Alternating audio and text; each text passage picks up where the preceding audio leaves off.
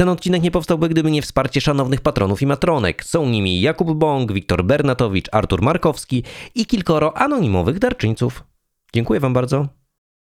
Muszę przyznać, że zdarzało się, że przez tydzień, załóżmy, czy dłużej, jedliśmy to samo danie codziennie, bo przygotowywałem je z myślą o, o jakimś tam przepisie. Oto podcast Wegaństwo. Ja nazywam się Adrian Sosnowski i rozmawiam o weganizmie. Jeśli ciekawi Cię, z czym to się je i nie tylko je, zapraszam do wysłuchania 97 odcinka pod tytułem Food porn w służbie weganizmowi. Powiem Wam szczerze, że przygotowywanie się do tego odcinka było dla mnie no, sporym wyzwaniem i mimo, że chwilę wcześniej zjadłem już obfite śniadanie, to ślinianki mi mocno pracowały, a brzuch domagał się kolejnych porcji jedzenia. No i dużo rolek, które przy okazji zobaczyłem, zapisałem na później z taką nadzieją, że mm, zbiorę się w końcu, zrobię listę zakupów i powtórzę to, co udało mi się zobaczyć i to w tak samo foodpornowym wydaniu. No właśnie, mój dzisiejszy gość zajmuje się, no co tu dużo mówić, foodpornem. Może powinienem powiedzieć w sumie foodporno, Dalej, możemy y, to food porno oglądać na Instagramie, na koncie Tomek Mędrek y, i na blogu Vegan High. No i tak, oczywiście dzisiaj będziemy rozmawiać o jedzeniu. Tomku, witam cię serdecznie w wegaństwie. Cześć, cześć Adrian. Bardzo mi miło, że, że mnie zaprosiłeś. Nadal to jest takie trochę dla mnie abstrakcyjne, że, że występuję w podcaście, a bardzo się cieszę, że, że, że też jakby moje chyba trzecie wystąpienie w podcaście jest w życiu, jest u ciebie bo uważam, że robisz wyjątkową robotę na, na skalę naszego kraju i słucham już od dawna wegaństwa i, i bardzo się cieszę, że, że mogę tutaj być dużo miłych słów, szczerze mówiąc, nie spodziewałem się, ale bardzo, bardzo się cieszę, że tak myślisz. No, jest mi bardzo miło przy okazji, ale tak mnie zastanawia to, czy mm, ty nie powinieneś się już troszeczkę oswoić z tą rozpoznawalnością. Wiesz, masz ponad 40 tysięcy obserwujących na Instagramie, ludzie faktycznie ci komentują, są zaangażowani, wysyłają ci swoje posiłki. Gdzieś widziałem nawet, że ktoś ci rozpoznał na ulicy, więc jakby, no wiesz, no to nie jest już taka, nie jest ciebie anonimowa postać całkiem ale to nadal jest takie trochę dla mnie nowe i, i, właśnie staram się z tym oswajać. Takie sytuacje właśnie jak rozpoznawanie mnie na ulicy nadal są dla mnie trochę takie, no nie chcę powiedzieć niezręczne, bo to jest oczywiście miłe, że ludzie mnie rozpoznają i, i że ktoś na przykład mówi, że o, zrobiłem coś z twojego przepisu, no to jest super sytuacja, ale nadal dla mnie troszkę taka, znaczy z mojej strony taka troszkę niezręczna, bo nie wiem, co miałbym zrobić. I myślę, że ten podcast też może przyczynić się do tego, nasza dzisiejsza rozmowa, że, że się do tego, że się z tym oswoję bardziej. No dobra, dobra, ludzie jak do ciebie podchodzą, to chcą sobie zdjęcia z tobą robić, czy po prostu pogadać? Nie, zdjęcia nie. Jeszcze, jeszcze się to nie zdarzyło. Nie wiem, czy bym się zgodził. Pewnie tak, w, w przypływie chwili. Ale zazwyczaj to są jakieś komentarze, to, że ktoś mnie rozpoznaje i, i przekazuje mi informację, że o, zrobiłem coś z twojego przepisu, albo Mm, albo po prostu chwali to, co robię z Pauliną w internecie. Także. No dobra, dobra, dobra, bo to, to, co robisz z Pauliną w internecie, bo właśnie to jest to bardzo ciekawa sprawa, bo konto jest na Twoje imię i nazwisko, ale tak naprawdę to nie jesteś jedynym twórcą na tym, na tym koncie. Ty jesteś autorem przepisów, gotujesz, e, z tego co wiem, a Paulina, Twoja żona, e, robi fotki. Jak to tam u Was się rozkłada? Tak, to znaczy zazwyczaj, jeżeli chodzi o pomysły na przepisy, to wychodzę z nimi ja jeżeli chodzi o. To znaczy, Paulina też często podsuwa mi jakieś pomysły. Zazwyczaj są to takie tradycyjne dania, które ona gdzieś tam z domu wyniosła i chciałaby je zweganizować, żebyśmy mogli sobie je zjeść wspólnie. E, jeżeli chodzi o pracę, to większość, to jeżeli chodzi o nagrywanie materiału i jego składanie, w przypadku rolek to jestem ja, a jeżeli chodzi o zdjęcia, którymi opatrzamy okładki, lub te zdjęcia, które kiedyś jeszcze przed rolkami, bo teraz tak naprawdę robimy w większości tylko rolki, to wykonywała Paulina i nadal wykonuje. Ona je też tam obrabia i no i też jakby postprodukcję zawsze konsultujemy też razem, także w większości jest to, jest to taka wspólna praca na, na tym koncie. No ciekawe w sumie, a e, ona też ma wkład w to, jak ta kompozycja na talerzu się prezentuje potem, tych dań? Tak, i to dosyć duży bym powiedział. To mhm. znaczy, za, zawsze ja układam na początku. E, ten taki pierwszy plating ja robię, jak ja bym to widział, ale dopiero jak oko aparatu to zaczyna widzieć, czyli oko mm. Pauliny de facto, no to wtedy ewentualnie coś tam poprawiamy, przykładamy, czasem układamy e, ponownie. Ja zacząłem w ogóle od tego food porno, czy food pornu e, i więc, bo tak, no bo te twoje zdjęcia czy rolki, one są takie, że no wiesz, chcesz wejść w ten obraz i to zjeść po prostu, albo no tak wiesz, no tak, zjeść po prostu. Co zrobić, żeby te dania tak dobrze się prezentowały, jak się gotuje? No bo ja, no mi powiem szczerze, no nie wychodzą zazwyczaj tak ładne rzeczy. Wydaje mi się, że przede wszystkim się opatrzyć z tym tematem, nawet tak naprawdę jakieś tam randomowe zdjęcia z Google'a danych dań, e, bo tak naprawdę wydaje mi się, że to, co jest takiego pociągającego, to nie jest coś, znaczy w tych daniach, to nie, zdjęciach czy daniach też, e, to nie jest coś, co jest łatwo uchwycić. I czy, czy jest to łatwo zdefiniować? Też nie wiem, nie, nie byłbym taki pewien. Jest to coś takiego trochę poza definicją, E, na pewno gdzieś comfort food się w to wpisuje, czyli, czyli te dania takie, które, nie wiem, przypominają nam dzieciństwo, które, e, które mają duży taki ładunek e, emocjonalny i energetyczny, ale to nie jest, wydaje mi się, wszystko, co trzeba zrobić, żeby, żeby to było takie pociągające. Do tej pory myślałem, że, mm, znaczy myślałem, no w sumie dalej tak, tak, tak uważam, że jeżeli zrobisz jakieś danie i po prostu zadbasz o to, żeby tych dodatków było dużo naokoło, jakiś, żeby wiesz, to było dobrze posypane czymś, żeby sos był ładnie polany, żeby talerz nie był upierdzielony z każdej strony, żeby to po prostu nie było jedną masą wielką, to to już e, robi robotę, ale pytanie, czy wy jak jecie sobie na co dzień, poza tą mhm. strefą instagramową, to wy też e, dbacie o to, żeby te rzeczy naprawdę ładnie wyglądały?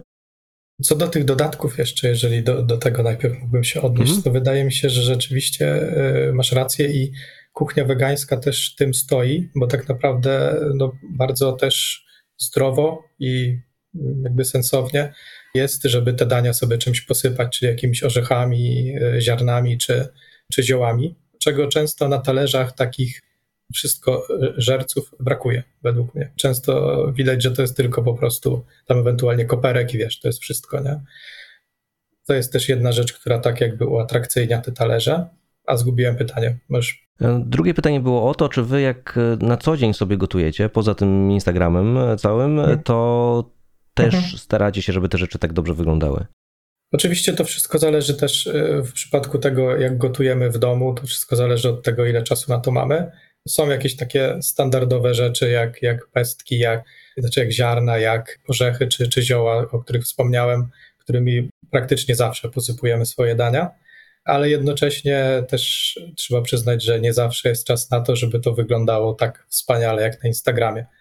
Mhm. Wiadomo, że jest to czynnik, który wpływa na to, czy chcemy daną rzecz zjeść, czy nie, ale jednocześnie w domu, jak wiem, że sam sobie to przygotowałem i wiem, że jest smaczne, to nie potrzebuję aż tego czynnika wizualnego tak bardzo, żeby, żeby być zachęcony do jedzenia.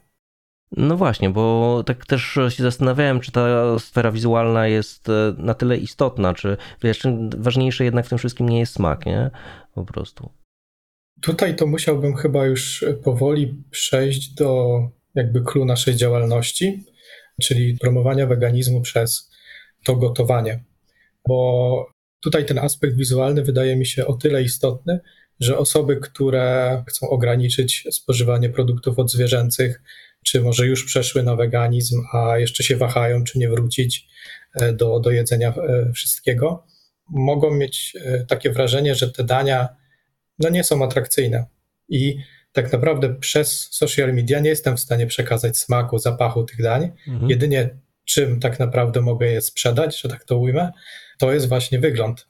I myślę, że tutaj porn food czy comfort food bardzo ładnie się broni w wersji też roślinnej. No tak, zdecydowanie. To musi wyglądać, żeby dało się to sprzedać, nie? To jest na tej mhm. zasadzie. A mówiłeś o tym, o tych ludziach, którzy zastanawiają się nad tym jeszcze, czy nie wrócić do um, fleksitarianizmu, czy, czy, czy jedzenia mięsa. A jak to jest u ciebie? Bo ty, ja wiem, że nie jesteś weganinem jakoś bardzo, bardzo długo, że to się jakoś zaczęło w okolicach pandemii i wcześniej no, był taki moment, że jadłeś tego mięsa bardzo dużo. Czy myślisz, że jeszcze jest szansa, że w przyszłości przejdziesz może nie na mięsożerstwo w całości, no, ale na jakiś fleksitarianizm czy jakiś wegetarianizm po prostu? Nie wydaje mi się. Tak naprawdę ja jestem e, weganinem głównie ze względów etycznych i jeżeli, znaczy takie jest moje zdanie, że jeżeli jest się weganinem ze względów etycznych, to dopuszczanie możliwości powrotu jest no takim, taką już ostatecznością. Gdzie nie wiem, gdzie jakieś problemy zdrowotne mogą wystąpić, czy, czy coś, co naprawdę zmusiłoby mnie do, do ponownego, do powrotu do spożywania produktów odzwierzęcych. Także odpowiadając na pytanie krótko, nie, mhm. raczej, raczej nie widzę takiej możliwości obecnie. No dobra, to wrócimy do gotowania jeszcze, a potem jeszcze przejdziemy mhm. do, do twojej wege historii. Jak robisz te swoje, swoje dania, to ty robisz wszystko, albo prawie wszystko od podstaw, czy korzystasz czasami z jakichś, może nie tyle półproduktów, bo półprodukty to, to, to na przykład ciasto francuskie czy tofu, ale z mhm. jakichś takich gotowych mięs, na przykład zamienników? Tutaj to wydaje mi się, że mm, dużo zależy od tego, na ile jesteśmy już świadomymi i jak wygląda nasz warsztat wegański, bo tak naprawdę to, y, to ja używałem bardzo dużo zamienników na początku mojej, mojej przygody z weganizmem. Też był wtedy taki boom na zamienniki właśnie w okolicach pandemii, gdzie, gdzie bardzo dużo firm powstawało, które produkowały jakieś burgery, zamienniki kurczaka. Wędlin było bardzo dużo, później kiełbaski gdzieś tam rok czy dwa lata później. I ja z tego korzystałem dosyć szeroko, e, jednakże im więcej tych umiejętności w kuchni wegańskiej zdobywałem, im więcej ciekawych składników poznawałem, którymi mógłbym się posiłkować e, w przygotowywaniu e, dań wegańskich, to tym bardziej odchodziłem od, od zamienników. I na ten moment tak naprawdę wiadomo, że mamy w lodówce jakieś, nie wiem, czasem jakieś parówki, czy, czy pozwolimy sobie na burgera zamiennikowego, ale te produkty są nie dość, że często drogie, to jednocześnie dosyć przetworzone i staramy się ich jak najmniej używać obecnie w kuchni. Tym bardziej, że tak jak mówię, ten warsztat i te umiejętności gdzieś tam, już tam nieskromnie powiem, że trochę podskoczyły, więc jestem w stanie przygotowywać dania bardziej takie kompleksowe, bardziej zbilansowane, nie posiłkując się zamiennikami. Zupełnie rozumiem. No ja też staram się za dużo tych zamienników, szczególnie do obiadów, nie, nie używać, no mhm. bo wiadomo, że jakieś właśnie jakaś wędlina sojowa czy coś, to też, też u mnie jest w lodówce, czy jakieś kiełbaski do śniadania, mhm. ale powiem ci, że no. Mhm. Jeszcze jak mogę ci przerwać, bo nie chcę też, żeby to tak zabrzmiało, że ja demonizuję zamienniki, bo to też e, bardzo duża pomoc dla osób, które ograniczają, mają chęć ograniczyć produkty odzwierzęce, czy też mm, no jakby na samym początku weganizmu coś, co, co pomaga ludziom e, przetrwać tą zmianę diety, znaczy mówiąc weganizm w kontekście diety, tak? Mhm. E, przetrwać tą zmianę diety, bo jesteśmy jednak wychowani w świecie, gdzie dominującą ideologią jest karnizm, no i jesteśmy też nauczeni gotowania tak naprawdę tylko mięsnego, ewentualnie nabiałowego, tak? I tutaj te zamienniki są, są bardzo pomocne. Jednocześnie jest też już nawet na polskim rynku sporo zamienników, które mają bardzo spoko składy i moim zdaniem z nich, korzystanie z nich nie jest jakąś tam, nie wiem, ujmą, czy, czy w dłuższej perspektywie będzie skutkować jakimiś tam problemami.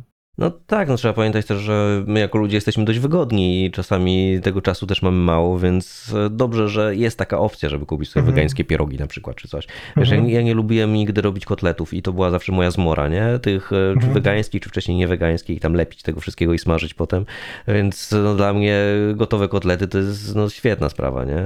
Więc mm do burgerów na przykład nie robię sam, nie chce mi się po prostu.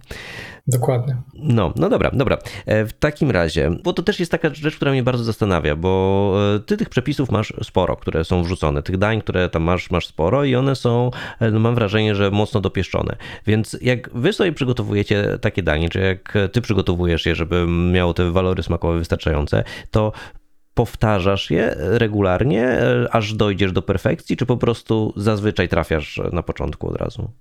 Jeżeli chodzi o takie standardowe e, przygotowywanie dania, to muszę powiedzieć, że to zależy, jak to wygląda. Mhm. Aczkolwiek taka standardowa procedura w moim przypadku to jest przygotowanie tego dania na sucho i następnie e, pierwsza próba. I to też nie jest tak, że ja e, zakładam sobie, że nie wiem, że za tydzień wypuszczę przepis, więc w tym tygodniu robię to sześć razy. żebym potem mógł to już opublikować, tak?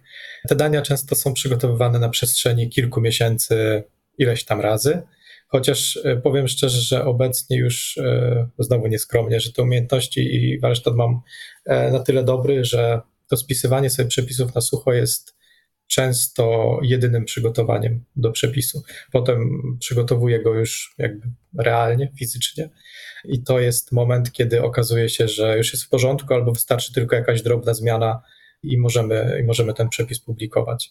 Na pewno przy y, przepisach takich bardziej, nie wiem jak to powiedzieć, nie że złożonych, ale takich, które wymagały jakiegoś takiego eksperymentowania, jak na przykład wegańska carbonara czy, czy hot dog z marchewki.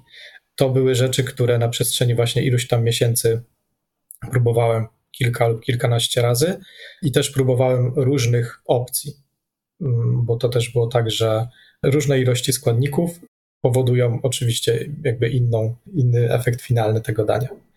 Mhm. Chociaż też y, muszę przyznać, że zdarzało się, y, że przez tydzień, załóżmy, czy dłużej, jedliśmy to samo danie codziennie, bo przygotowywałem je z myślą o, o jakimś tam przepisie. Ciekawa rzecz. A zdarza ci się gotować w ogóle na podstawie mm, rolek innych e, twórców? Zdarza mi się, tak, bo jednak y, mamy taką dosyć fajną drużynę wegańskich twórców w Polsce. Mm. Parę osób znam osobiście z, z tych, które publikują, e, głównie na Instagramie, chociaż też parę osób ma bloga. I no, te osoby są tak kreatywne i, ta, e, ta grupa osób jest w stanie e, przygotowywać tak wspaniałe rzeczy, że no, szkoda byłoby też nie skorzystać z tego. Jeżeli chodzi o przygotowywanie tych przepisów, to, no to ja zazwyczaj korzystam z rolek, ale w formie takiej pisanej. Czyli gdzieś tam sobie robię screeny z przepisów i, A, i, potem, i potem to przygotowuję. Tak, ja ogólnie jestem bardziej, znaczy to też jest trochę zabawne, bo te rolki się teraz najlepiej sprzedają na Facebooku, e, przepraszam, na Instagramie, też, też TikTok i Facebook, to wiadomo, że tam też te, te krótkie wideo działają, ale jednocześnie ja w ogóle nie jestem ich fanem. E, ja dużo bardziej wolę sobie przepis przeczytać na, gdzieś u kogoś na blogu, na spokojnie i potem mieć go gdzieś tam wyświetlonego na ekranie e, smartfona podczas przygotowywania. Oczywiście no, też wszystko zależy od tego, jakie umiejęt, jakimi umiejętnościami dysponujemy, no bo jeżeli ktoś trochę jest bardziej biegły w kuchni, to jemu wystarczy tylko na przykład przeczytanie tego przepisu, on się w stanie to przygotować. No tak, tak, tak, tak to jako inspirację taką główną, nie? Po prostu. Zgadza się, dokładnie. No. Wiesz, no ja mam ten problem, że zapisuję sobie te rolki na potęgę, które chcę zrobić potem i jak już zabieram się za gotowanie którejś z nich, no to to wygląda w ten sposób, że e, odpalam ją w kółko i w kółko i w kółko -hmm. i w kółko -hmm. i wiesz, i zawsze się wkurzam, bo brakuje mi tego odpowiedniego momentu, nie? który bym chciał. E, więc -hmm. tak, no dla mnie też przepisy na blogu to jest lepsza opcja. E, no ale rolki no, działają na wyobraźnię, nie? I wiesz, i od razu, od razu rzucają się w oczy. Ale mm, powiedz mi jeszcze, bo ty korzystasz z w ogóle z dziwnych rzeczy czasami w kuchni. Takich rzeczy, z którymi ja się nie spotkałem, a myślę, że ze z różnymi dziwnościami już mi się zdarzyło spotkać. Na przykład widziałem mhm. twoje wegańskie jaja sadzone, które robiłeś, które wyglądają no niesamowicie, ale ty tam używasz lecytyny słonecznikowej. W ogóle z jakich produktów korzystasz spoza tego podstawowego kanonu? Zdarza mi się często korzystać z takich produktów, które gdzieś zahaczają o. Znaczy, może nie często, to trochę przesadziłem, ale zdarzało mi się przez całą moją wegańską drogę skorzystanie z produktów, które e, gdzieś tam zahaczają o kuchnię molekularną, typu na przykład metyloceluloza, która, to nie wiem, czy znasz ten składnik. Nie, nie, zupełnie nie. Ona, e, ona często występuje w, w zamiennikach mięsa i ona odpowiada za to takie kurczenie się tych składników, tak jak w tym mięsnym oryginale. To, to, że to się trzyma razem. Z takich składników, no nie wiem, na przykład jeszcze mąka z tapioki, tak, jest takim składnikiem, z którego można korzystać. Nie przychodzi mi teraz tak do głowy w pierwszym momencie, mm -hmm coś, co mógłbym jeszcze wymienić, aczkolwiek e, zdarzało mi się z takich składników korzystać. No nie jest to core mojej działalności, bo to jest raczej w ramach takiego eksperymentowania, zobaczenia jak to się zachowuje w kuchni, czy można w warunkach domowych z takich składników skorzystać e, i raczej tak w ramach ciekawostki dla sportu to robię.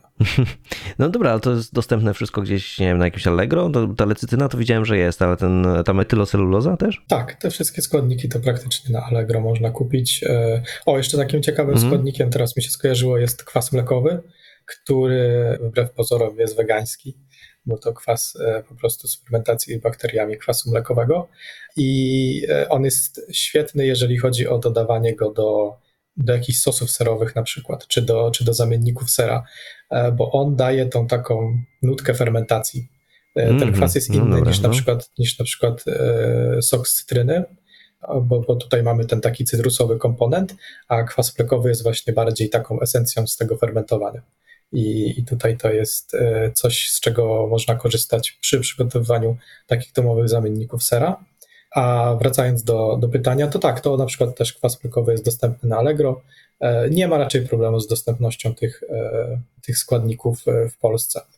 Od, kojarzy mi się jeden, z którego dostępnością miałem trudność. To był fermentowany ryż czerwony. No. Bo jest czerwony ryż i jest mhm. jeszcze fermentowany czerwony ryż, którego można używać do e, barwienia też zamienników mięsa, sejtana na przykład, bo on, e, można, można na przykład użyć buraka, ale burak po gotowaniu staje się taki bardziej jakby brązowy, od, od, oddaje wtedy taki oryginalny stan mięsa, jeżeli możemy o tym rozmawiać, e, gdzie ono na początku jest czerwone, a potem się robi brązowe, tak? I tutaj, jeżeli mhm. chodzi o buraka, to, to jest właśnie w ten sposób on działa i, i to jest pożądane, ale na przykład w takich przypadkach, jak e, chcemy zrobić pastrami, gdzie mhm. to mięso standardowo jest peklowane e, i ten czerwony e, i ten czerwony kolor pozostaje również po przygotowaniu, no to wtedy ten czerwony ryż, on nie zmienia barwy po ugotowaniu i z tego powodu go używałem i musiałem poprosić mojego znajomego w Berlinie, żeby, żeby mi go przesłał bo, bo tam był tylko dostępny gdzieś tam. Okej, okay, to jest w ogóle szalenie ciekawe. A w jaki sposób ty wpadasz na tego typu pomysły, na to, żeby wykorzystać tego typu składniki, wiesz, i coś dopracować aż tak, aż tak bardzo, aż tak szczegółowo.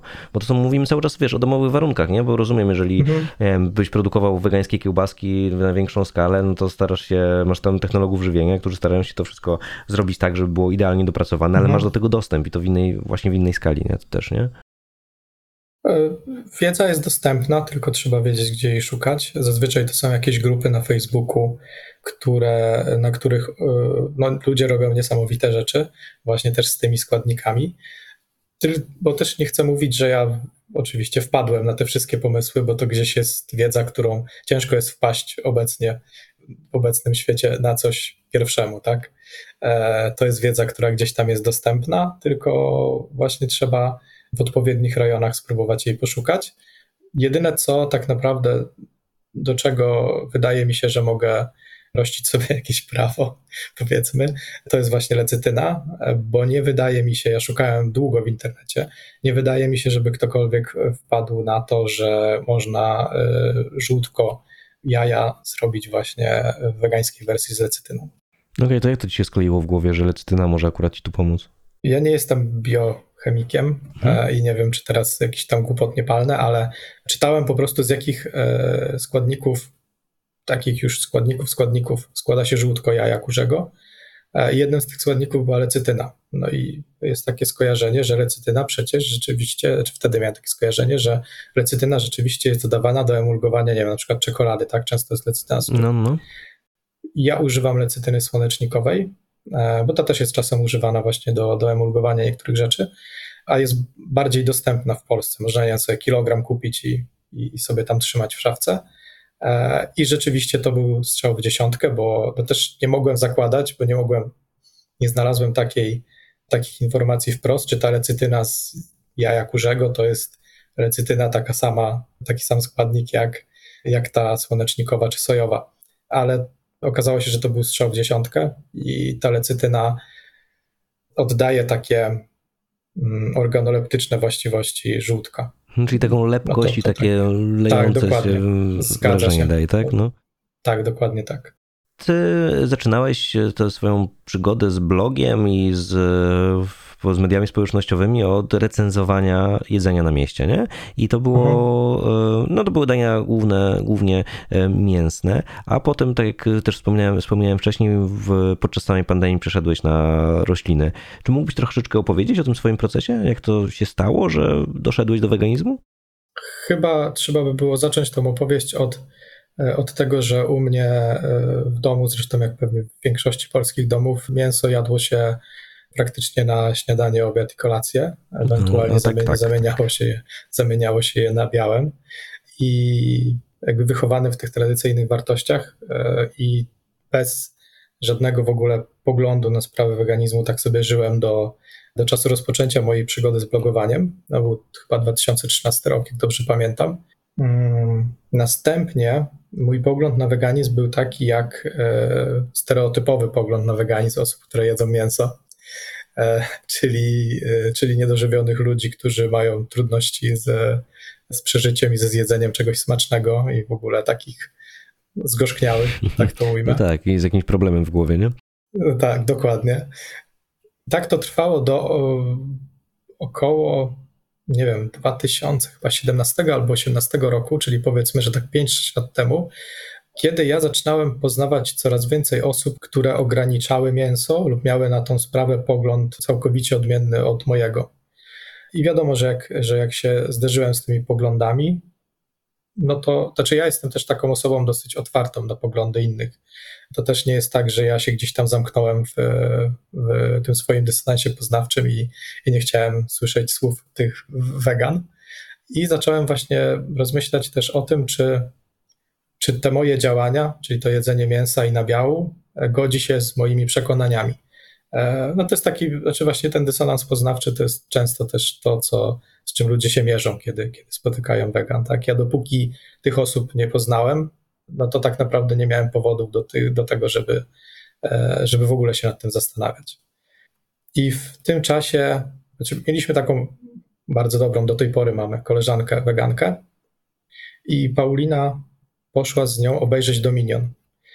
Mhm. I po, po obejrzeniu Dominiona, Paulina oczywiście z dnia na dzień już chciała być wegetarianką. Znaczy, Paulina też miała wcześniej próby przejścia na wegetarianizm i z dnia na dzień już chciała wtedy przejść na, na wegetarianizm przynajmniej, a jeżeli nie, to na weganizm. No i już prawie, że wtedy mieszkaliśmy ze sobą, e, więc szanując jej decyzję, postanowiłem, że w domu nie będziemy e, jedli mięsa. Ja oczywiście nadal jadłem je na mieście i, i w trakcie wyjść, więc, więc, nie, było tego, nie było tego jakoś szczególnie mało, bo, bo nadal prowadziłem bloga i recenzowałem te wszystkie miejsca, ale coraz bardziej ta zmiana jakby zachodziła we mnie. E, no i tak bardzo, bardzo stopniowo, bo to trwało u mnie chyba ze dwa albo trzy lata, coraz bardziej, coraz bardziej ograniczałem spożycie mięsa i produktów odzwierzęcych, aż przyszła pandemia, Mhm. I, w trakcie, I w trakcie tej pandemii no, siedzieliśmy praktycznie w domu. Jak coś, to można było sobie coś zamówić. I ja wtedy zacząłem też dużo więcej gotować w domu, ze względu na to, że no, jakby nie było możliwości wyjścia, ocenienia restauracji, można było się bawić w to, do, w, to w dowozie, ale ja też bardzo dużą radość e, odkryłem w, wtedy w gotowaniu takim wegańskim. To, o czym rozmawialiśmy, czyli czyli korzystanie z tych ciekawych składników, jakieś w ogóle przyprawy, których nie znałem. To po prostu mój horyzont się tak poszerzył, a ja jednocześnie kochając gotowanie, to też pokochałem roślinne gotowanie. I to trwało i właśnie w trakcie pandemii już bardzo, bardzo rzadko zaczynałem jadać mięso, aż w końcu to były takie przerwy, gdzie dwa, trzy miesiące, gdzie ja, gdzie ja nie, jadłem, e, nie jadłem mięsa lub produktów odzwierzęcych i uznałem, że jeżeli nie jem już tak długo i to nie potrzebuję tego w ogóle. Już trochę ponad 3 lata temu przeszedłem całkowicie na weganizm. Paulina oczywiście wcześniej, a, a potem ja. A czy ta stopniowa rezygnacja z produktów odzwierzęcych wiązała się u ciebie też ze stopniowym zwiększeniem świadomości? Też oglądałeś jakieś materiały na bieżąco? Nie, może więcej do ciebie docierało po prostu? Mm, ja jestem takim przypadkiem, że ja wiedziałem, co się dzieje w, w rzeźniach e, i, i, i wiem, wiedziałem, jak są traktowane zwierzęta. Oczywiście, może nie w takim stopniu, w jakim wiem to teraz, e, że, że dużo, dużo metod, e, które są stosowane w hodowli przemysłowej i, i, i w rzeźniach, wtedy o nich nie wiedziałem.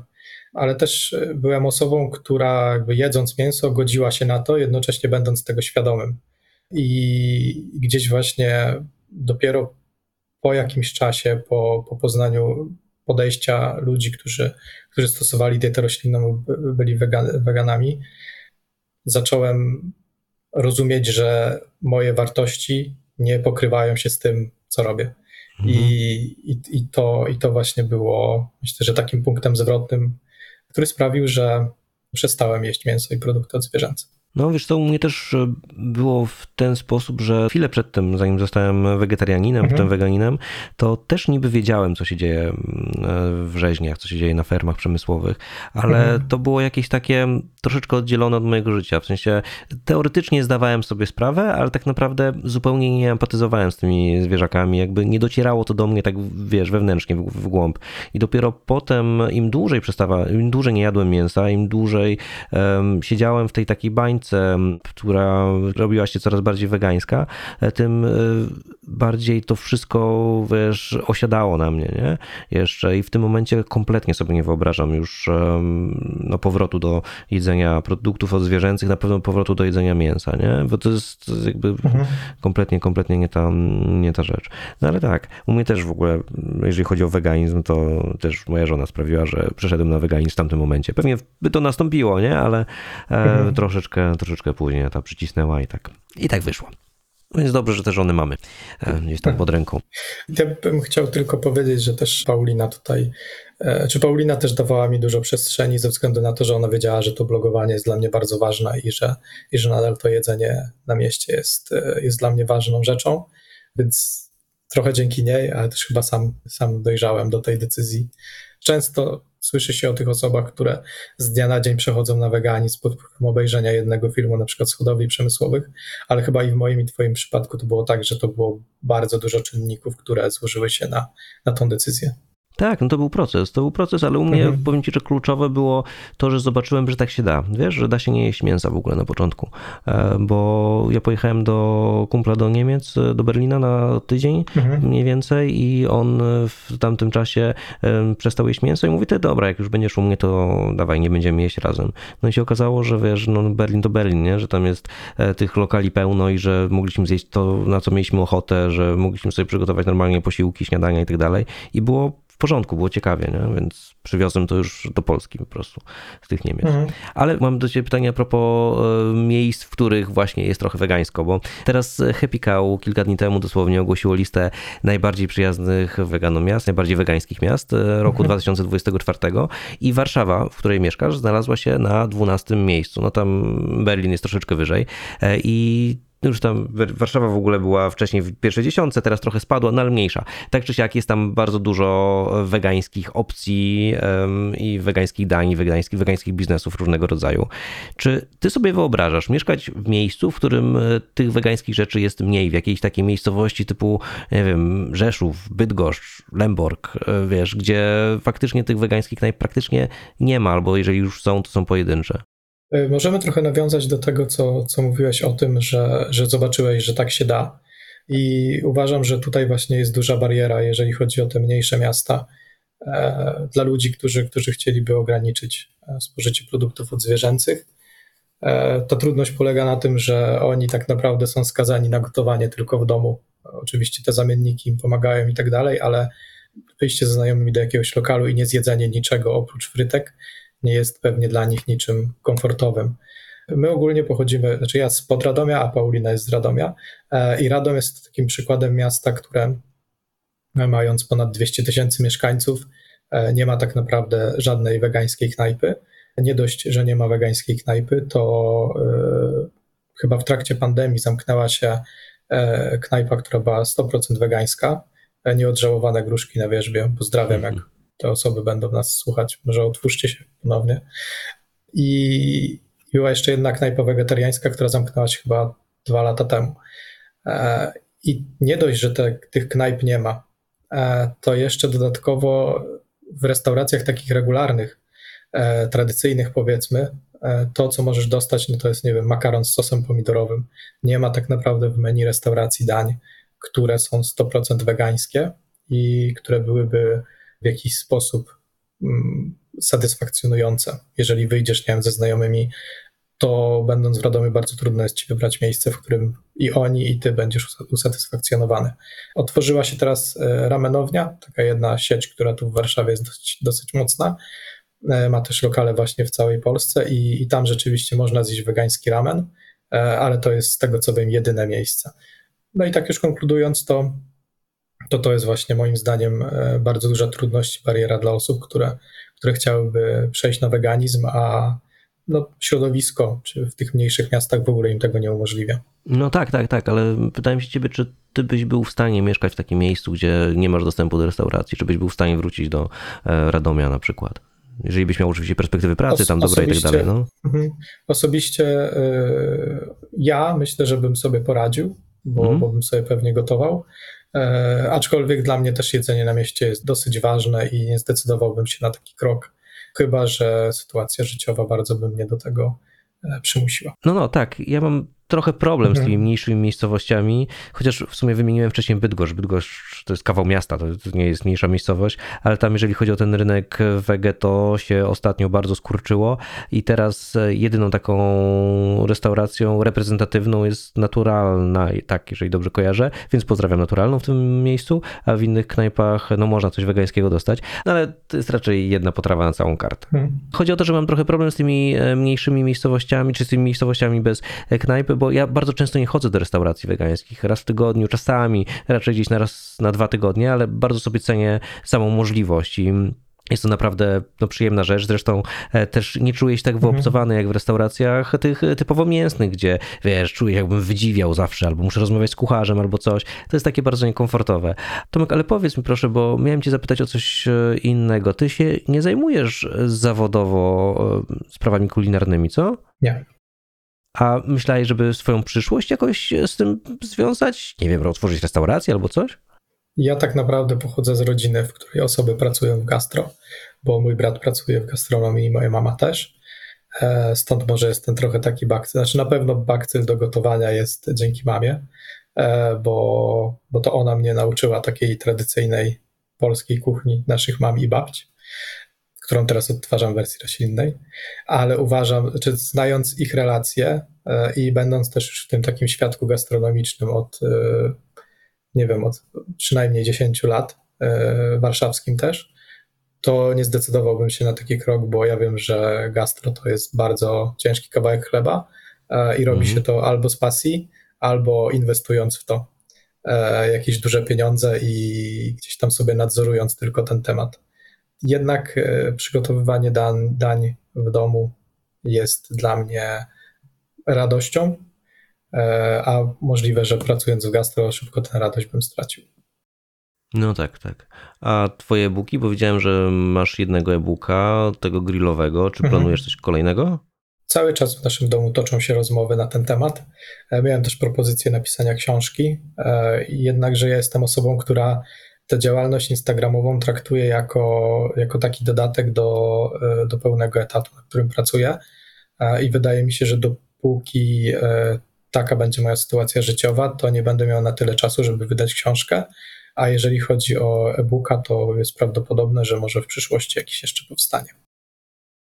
Dobra, to trzymam kciuki za to, Mhm. żeby powstał i trzymam kciuki też za to, żeby te dania były smaczne i nie tylko, żeby dobrze wyglądały, ale żeby było ich dużo i dużo pomysłów i dużo rzeczy typu lecytyna sojowa pojawiało się w twojej, Okej. w twojej kuchni, które wykraczają poza to standardowe gotowanie. Dobra Tomek, myślę, że będziemy zmierzać ku końcowi, znaczy w sumie tak już jesteśmy przy końcu. Mhm. Dziękuję bardzo, że zgodziłeś się dzisiaj ze mną porozmawiać, szczególnie, że bardzo sobie cenię to, co robisz i regularnie przeglądam twojego Instagrama, czy waszego Instagrama powinnam Mhm. powiedzieć. Ja myślę, że myślę, ja, ja częściej używam, że nasze, nasze Mhm. działania, e, bo, bo rzeczywiście mimo tego, że ja to firmuję swoim nazwiskiem, to e, no to, to jest działalność taka wspólna.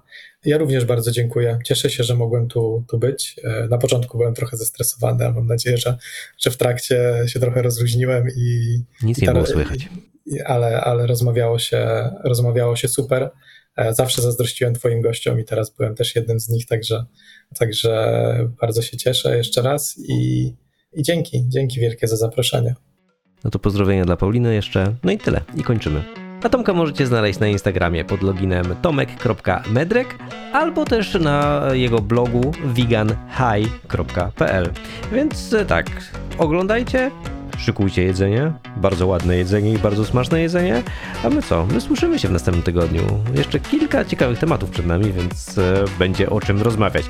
W razie czego, jeżeli macie jakieś pytania, pomysły, czy jakiekolwiek inne rzeczy, możecie do mnie pisać na maila veganstwo.gmail.com albo na przykład na Instagramie, czy na innych tam komunikatorach. Też wszystko jest e, możliwe. Będę odpowiadał na wszystkie wiadomości, obiecuję.